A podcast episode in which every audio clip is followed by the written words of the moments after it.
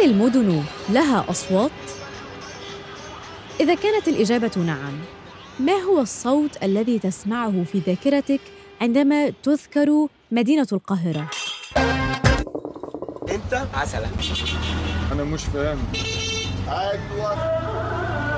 رجولة أنا مثلاً أحياناً أشعر أن القاهرة لها شخصيتان، شخصية ليلية.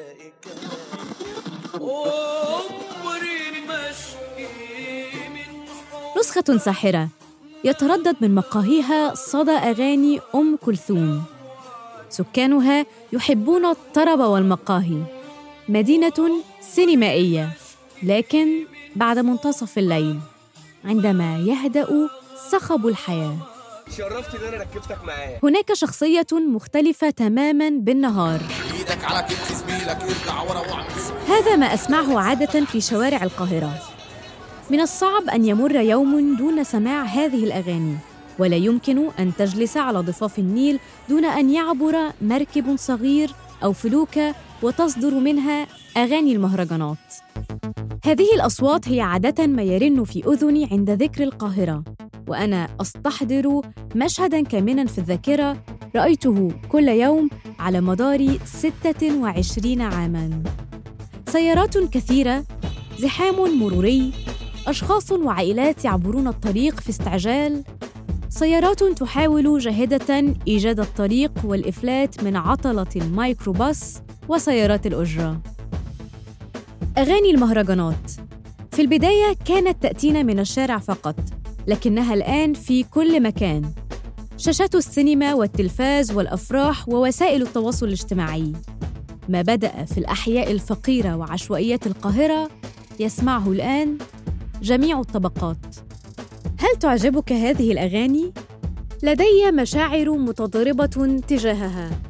لذا قررت الاقتراب منها لحسم موقفي. ولكي أفهم وأقرر أعددت هذه السلسلة من بودكاست فصول.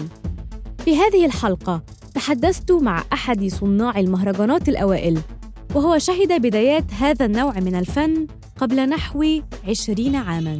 فتحت بقى استوديو وأنا ده بقى هنا بقى بدأت إن أنا أعمل العالم بتاعي وبدأت إن أنا أجرب بقى إزاي هغني باللي أنا عايز أغنيه وأقول اللي أنا عايز أقوله على المزيكا دي. شبرا الجنرال.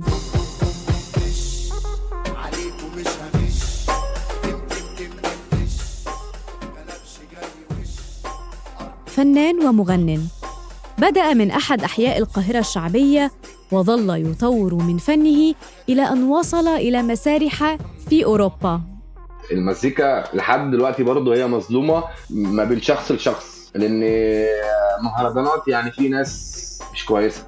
فأنا كنت عايز إن أنا أقول الكلام الكويس على المزيكا دي وقلت الكلام الكويس. أما في الحلقة القادمة فأتحدث مع أبرز المعارضين للمهرجانات. والجدال الذي لا يبدو أنه سيحسم هل المهرجانات تعبر عن واقع أم تغيره؟ لكن في البداية سنفهم ما هو فن المهرجانات؟ كيف وأين نشأ؟ لماذا سمي بالمهرجان؟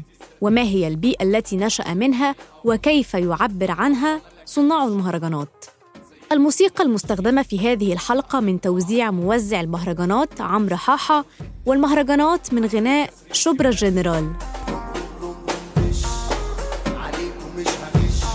أنا دعاء فريد وهذه حلقة جديدة من بودكاست فصول. نروي معا فصول الحكاية.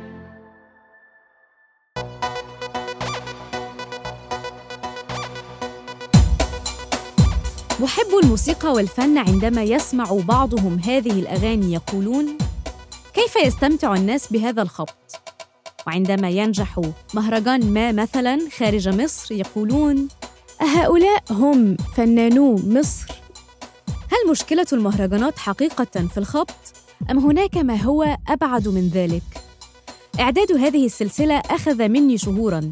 ليس لصعوبة القصة بقدر ما كان صعباً إقناع مغني مهرجانات بالحديث إلي. ربما السبب أن صناع المهرجانات غير معتادين على الظهور الإعلامي بكثافة في مصر. منذ بداية رواج فن المهرجانات شاع وصمها بالانحدار الأخلاقي انهيار للذوق العام سم يتسلل في أذننا وإتلاف للمراهقين والشباب لما قد تحويه أحياناً من كلمات وعبارات خارجة عن الذوق والحياء العام. سمعت مهرجانات أكثر وتواصلت مع كل صناع المهرجانات تقريباً. واحد منهم فقط كان مرحباً بالحديث عن المهرجانات وماذا تعنيه. المهرجانات تبدو فناً حديثاً لا يزال في مراحله الأولى من التجريب والتقبل ويظن الكثيرون أنه ظهر بعد ثورة يناير 2011 في مصر لكنه بدأ قبل نحو عشرين عاماً. في ذلك الوقت كان محمد واسم شهرته شبرا الجنرال لا يزال في مرحلة المراهقة. ولد في حي شبرا الشعبي ثم بعد ذلك انتقل مع أبويه إلى حي الزاوية الحمراء الشعبي أيضاً. كملت دراسة لحد آه، إعدادي واتعقدت يعني جات لي عقدة كده إن أنا مش مش هختار الحياة بتاعت الدراسة دي لأن هي كانت بالنسبة لي آه، حاسس إن هو زي حاجة أنت بتعملها كل يوم غصب عنك. ما حبيتهاش عشان ال- المدرسة كانت حكومية وكان جوه مش عاجبني ال- اللي بيحصل. تلمس في فصل قاعد عمال يشكل فيا. قمت كده متحول قلت جاي متجول. لم يحب شبرا الدراسة. وضع عائلته المادي كان من ضمن الأسباب. تعرضت يعني لحاجات كتير جوه في المدرسة إن أنت لازم إجباري تاخد دروس بره المدرسة ولازم تدفع. وأنا أصلا كان آه، في الوقت دوت أنا عيلتي برضو ماديا مش مظبوطين. فكنت يعني ما عنديش الإمكانيات اللي أنا أوافق إن أنا آخد دروس. فكان في هنا بقى جدال ما بيني وما بين المدرسين إن إن أنا مش مش هاجي الدروس أنا مش معايا فلوس إن أدفع الدروس. فتعقدت من الدراسة خالص. فعشان كده حبيت الحياة اللي هي الحرية في إن أنا أختار اللي أنا عايزه. حتى كمان ما كنتش بحب أروح المدرسة كانت والدتي تيجي توديني المدرسة وأنا أقوم آه، داخل المدرسة عم ماضي حضور ونط من على السور. على طول. قررت إن أنا من أول يوم هنط من على السور وسبت لحد الدوسيه بتاع المدرسة. من ساعتها. ولا جيت جنبه أصلا ولا ترك شبرا الدراسة وبدأ طريقه في الحياة مبكراً. ماتت مبادئ الناس. وبرضه مش مفهومة. وبرضه كده معيوبة وقلبي مات مني. إزاي ومش شايفين؟ لا أنا أصلا يعني طول حياتي أنا شبه متوحد بس اللي هو أنا مسؤول أكتر في العالم بتاعي في طريقي لأن كل واحد آه، واخد طريقه من صغره لأن طبعا آه، أصلا والدتي ووالدي هم صم وبكم فكل واحد كان بيبقى واخد طريقه بشكل معين. الحياة الأسرية دي مش مش موجودة قوي. كان البيت بطبيعة الحال هادئاً لذا وجد شبرا الملاذ الآمن في الشارع. اتعلمت أكتر من الشارع أكتر من البيت لأن في البيت ما فيش حاجات كتير مسموعة من الشارع حاجات جديدة. حاجات من الشارع بقى بتعرف أخبار جديدة بتشوف ناس جديدة بتسمع كلام جديد. كان الواحد داخل كده في- خلاط من المعلومات والاستوعاب وكده. في طفح في رمى على إلى هذه الفترة كانت ذائقة شبرا الموسيقية شبيهة بما كان الكل يستمع إليه وقتها. الفترة دي كان الأغاني اللي هي موجودة في القهاوي وفي ال- الإكشاك بتاعت الكاسيت دي دي كان دايما أي مغني جديد بيبقى نازل آه، بشريط جديد. كان هو ده بقى اللي بيبقى مسيطر على الشوارع وعلى الكروبازات وكمان برضو آه، كان في شريط بتاع بتاع الليمبي. وكمان كان آه، لما بدأت إن أنا أسمع أغاني جدا كنت بسمع طارق الشيخ. كان منتشر. آه كنت بحب محمد محي جدا. ومحمد رشدي. كان بقى عمرو دياب طبعا يعني مصطفى قمر كنت فاكر بتاعت عن وإحنا لسه حبايب الحاجات دي. ومحمد فؤاد. طبعا كل الفنانين دول يعني أنا بسمعهم لحد دلوقتي. كانت تلك هي الأغاني التي تربى عليها شبرا. لكن بعدما ترك المدرسة واحتك أكثر بالعالم تغيرت أشياء كثيرة هنا بقى قررت إن أنا يعني هشتغل خلاص آه، زي أي حد ما أنت هنا بقى بتيجي تطلب فلوس ما آه، في حاجة تانية أنت عملتها فخلاص خرجت من الإطار ده آه، واتجهت بقى إن أنا أشتغل اشتغلت بقى محل غسالات اشتغلت في في المكوى اشتغلت في. اشتغلت كل ال- الحاجات اللي انت ممكن تتوقعها في الشارع في فرن في جزمجي اشتغلت كل الشغلانات. طبعا وحلاق طبعا. خرب دمر عليه ميزان سلام أمان. كان يمكن أن يكمل شبرا حياته في المهن الحرفية لولا أن تعرف على شيء غير مصيره. الدي جي. بداية العقد الأول من الألفينيات كانت فترة تحول موسيقي بعض الشيء. فقبلها كانت فترة رواج موسيقي لجيل الشباب. ظهر في التسعينيات العديد من المطربين الذين أحبهم الجمهور وشهرهم الكاسيت كما حكى شبرا. لكن مع بداية الألفينيات بدا العالم العربي أكثر رحابة مع التطورات التكنولوجية. عرف الشباب طريق أجهزة الكمبيوتر. انتشرت الهواتف المحمولة أكثر. صار الشباب يعرفون كيف يحملون الأغاني على الكمبيوتر. كانت الأغاني والأفراح الشعبية موجودة بالفعل وتعج بالمطربين والعازفين الذين يصعدون على المسارح ويؤدون الوصلات وسط تحيات الحضور. لكن مع ظهور الدي جي في الأفراح الشعبية ولد نوع جديد من الفن.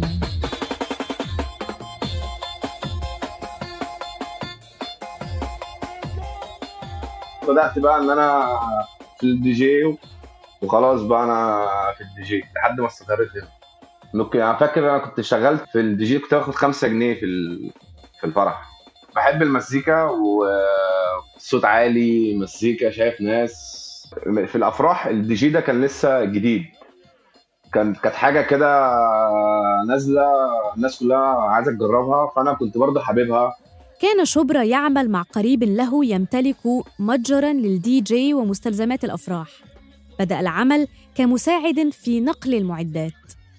الأول كنت بشيل حاجات السماعات والكوشة والبوابة والحاجات دي بشتغل فيهم. وبعد كده بدأت إن أنا أجرب آه، في افتتاح أقف أشغل أغاني واقف اشغل القرآن. وبعد كده بقى بقت يوم عن يوم لحد ما اتعلمت إن أنا إزاي آه، ألعب تراك مع تراك وإزاي المزورة دي مع المزورة دي ولحد ما بقيت اتعلمت إن أنا بلعب مزيكا. أبقى فاهم إن المزيكا دي لو ركبت مع المزيكا دي كان ذلك في العام 2003 تلك كانت البداية. في نفس الوقت تقريبا وبسبب رواج كل ما هو جديد في التكنولوجيا كان شاب آخر أطلق على نفسه عمرو حاحة يعمل في محل لبيع وصيانة الهواتف المحمولة وكان جزءا من عمله تحميل نغمات المحمول على الأجهزة. كان هذا شائعا جدا وقتها. دفعه ذلك للتعرف على برامج هندسة الصوت. دخل هو أيضا عالم الدي جي. بدأ في تصميم المكسات الغنائية أو دمج الأغاني في الأعراس. كان عادة ما يخلط الآلات الشرقية مع موسيقى ال hip hop الغربي. وفي الوقت ذاته كان شبرا يتعلم تلك التكنولوجيا الجديدة. صاحب ال- العدة كان هو بقى واخد الموضوع دراسه كان بيبقى بنيجي نقعد نتكلم بقى يفهمني. وأنا كنت بحب طبعا عارف المزيكا الغربي وعارف أسمائها وكده. وهو كان بيشتغل في الحاجات دي في شرم الشيخ والغردقة بس يعني كان ملوش دعوة بالشعبي. فإحنا كنت أحب دايما أتكلم معاه في طب وليه بيعملوها كده وليه.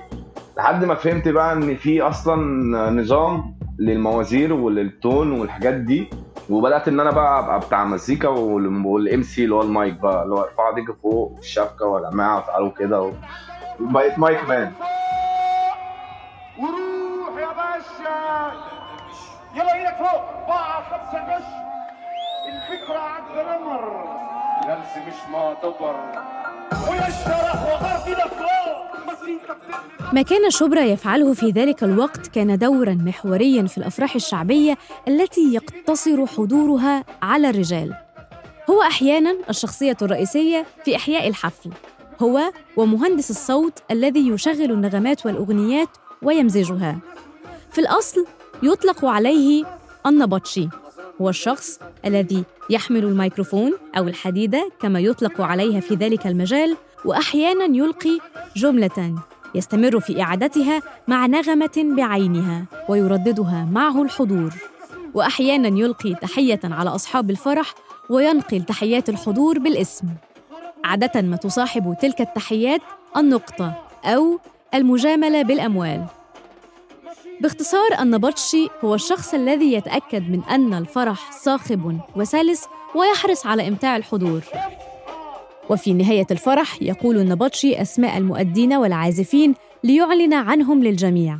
المغنيين الشعبي لما كانوا بيعملوا التراكات كانوا دايما بيبقى في نبطشي كده ليه سولو كده في اخر الأغنية اللي هو بيخش بقى يمسي على ال- اللي عامل المزيكا والمنتج وشركة الإنتاج. كان بيخش قول لهم يا علي قول لهم يا. مش عارف كان بي بيقول حاجات زي كده. مع على فكرة هي الحتة دي هي اللي خلت المهرجانات تبقى موجودة لحد دلوقتي لأن الموضوع جاي من هنا. ال mic man هو تطور النبطشي باستخدام الدي جي. هذا الدور الذي يقوم به الدي جي أطلق عليه المونديال وذلك لصخب الأغاني وكأنها احتفال. كلمة مونديال هي كلمة فرنسية تعني الشيء العالمي. وعادة ما تطلق على بطولة كأس العالم لكرة القدم. لكن كونها كلمة أجنبية فلم تكن سهلة على جميع الألسن في المناطق الشعبية. لذا سرعان ما تطورت إلى كلمة أخرى وهي مهرجان. كان آه، يقول لك آه، ده عامل مونديال ده في مهرجان. اللي هم دايما كانوا واخدين ال- الاسم دوت كأس العالم. المونديالات كأس العالم في المجلات كان بيبقوا كاتبين كده. فكان أي تجمهر كانت الناس بتوصفه إن هو مهرجان آه، آه، مونديال كده. صحي معايا هدي بحر موجة عالي ماشي الكبير ربا يا عويل صح أي حد.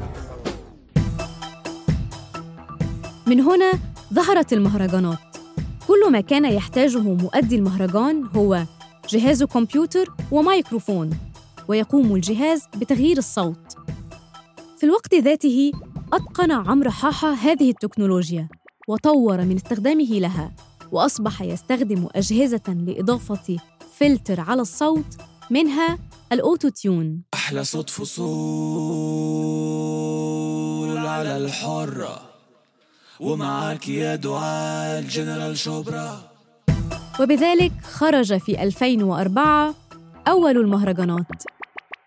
يختلف صناع المهرجانات في تسمية أول مهرجان. هو واحد بين مهرجان العشرين لعمرو حاحة أو أول مهرجان موجود على الإنترنت ويدعى مهرجان السلام ومؤديه شاب آخر يدعى علاء 50 هذه الأسماء بالمناسبة هي الآن من جيل الرواد لمغني وموزعي المهرجانات. في تلك الفترة تشكلت مجموعتان تنتجان مهرجانات في منطقتين شعبيتين في القاهرة. المجموعة الأولى هي من مدينة السلام، وهي التي خرج منها مهرجان السلام، وأعضاؤها هم علاء ففتي وفيجو الدخلاوي والسادات. المجموعة الثانية هي من منطقة عين شمس، تلك التي خرج منها عمرو حاحة وخرج منها أول مهرجان وهو مهرجان العشرين وشبرا الجنرال كان من ضمن من عملوا على هذا المهرجان لا أنا معاصر الموضوع من بدري واشتغلت أنا مع عمرو حاحة واشتغلت مع سادات اشتغلت مع 50 فترة كبيرة. فهو الموضوع من هنا بدأ آه، في إن عمرو حاحة بيعمل ميكسات آه، للحاجات اللي بيعملها والأغاني اللي بتشتغل. وكان هو دايما آه، بينزل الحاجات دي على مواقع زي مثلا website كده بيرفع أغاني للميكسات لحد. ومن ناحية تانية كان في برضه فيجو في السلام. وعلاء 50 و- والسويسي كانوا بيعملوا برضو حاجات من دي وبيشتركوا مع بعض. عمرو حاحة وفيجو هم الموضوع معاهم في في البداية. هاتان المجموعتان وتحديداً عمرو حاحة وسادات وففتي استطاعوا أن يصلوا بفن المهرجانات الحديث وقتها إلى خارج الحدود الجغرافية لمدينتي السلام وعين شمس في شرق القاهرة. كان شبرا جنرال في هذا الوقت يسمع الموسيقى الغربية وخاصة الراب وال hip hop، وكان يريد خلطها مع المهرجانات.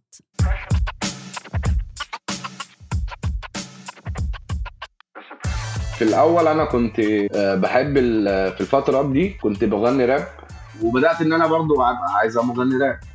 آه، وهي الفن بقى عايز يجي في أي طريق مش فاهم فين بالظبط؟ وفي نفس الوقت أنا شغال في الشعب تحت فلازم أنا هخاطب الناس دي بالأسلوب اللي هو ارفع إيدك فوق ويلا بينا الشباب وكده.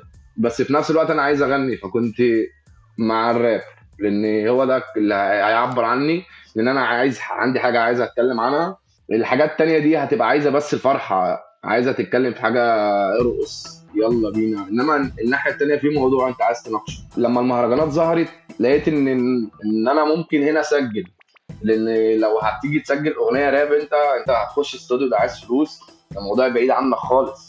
إنما مزيكة المهرجانات بحكايتها دي جاية عندك لحد باب الأوضة عندك. تقدر إن أنت تبقى عندك أجهزة تسجل بيها أو يبقى في استوديو كده صغير هتعيش فيه.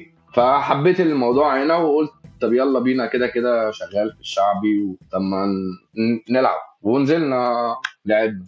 قاعد في يوم النيل وبقول ان المواويل ومفيش شغل أنا عطلان قلت شغل لك عنده عتيل وبقلب في الجرنان طهقان زهقان حران.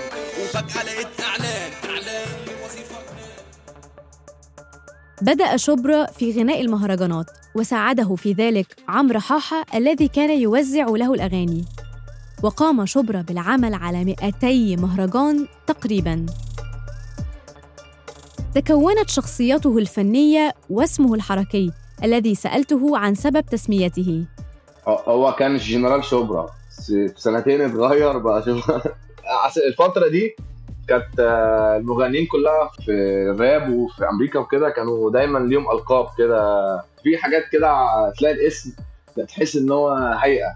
واللي هو أنت خطر بقى وأنت حاجة كبيرة. فأنا دايما آه، شبرا دي لما طلعت لوحدها كده حاسس إن هو اسم لوحده مش كفاية. قلت بقى يبقى في حاجة عنوان ميبقاش اسم بس. على مدار السنوات التالية تطور إنتاج شبرا وأدرك قيمة ما يفعله وتأثيره على غيره. هنا بدأت إن أنا آخد الموضوع إن أنا عايز أقول كلام. يعني في مواضيع عايز أقولها في حاجات عايز أعبر عنها لأن الفترة دي كانت فترة آه، إن في كلام طالع من قلب الشارع محطوط في مزيكا كانت الناس دايما بتسمعه في الشارع بس. هو ليه حدود؟ ما بقاش ما, ما ينفعش يخش في المزيكا. أنا هتبع الأسلوب بتاع الشارع بس. كان في عندي معلومات بس كده حاجات ضيقة جدا كده وللشارع بس. اللي هو أنت هتستخدم ال ال ال الكلام اللي أنت عايشه. الحياة اللي أنت عايشها مع الناس اللي أنت عايشها. كرر شبرا في كلامه أكثر من مرة أنه كان يريد أن يقول ما يفيد غيره.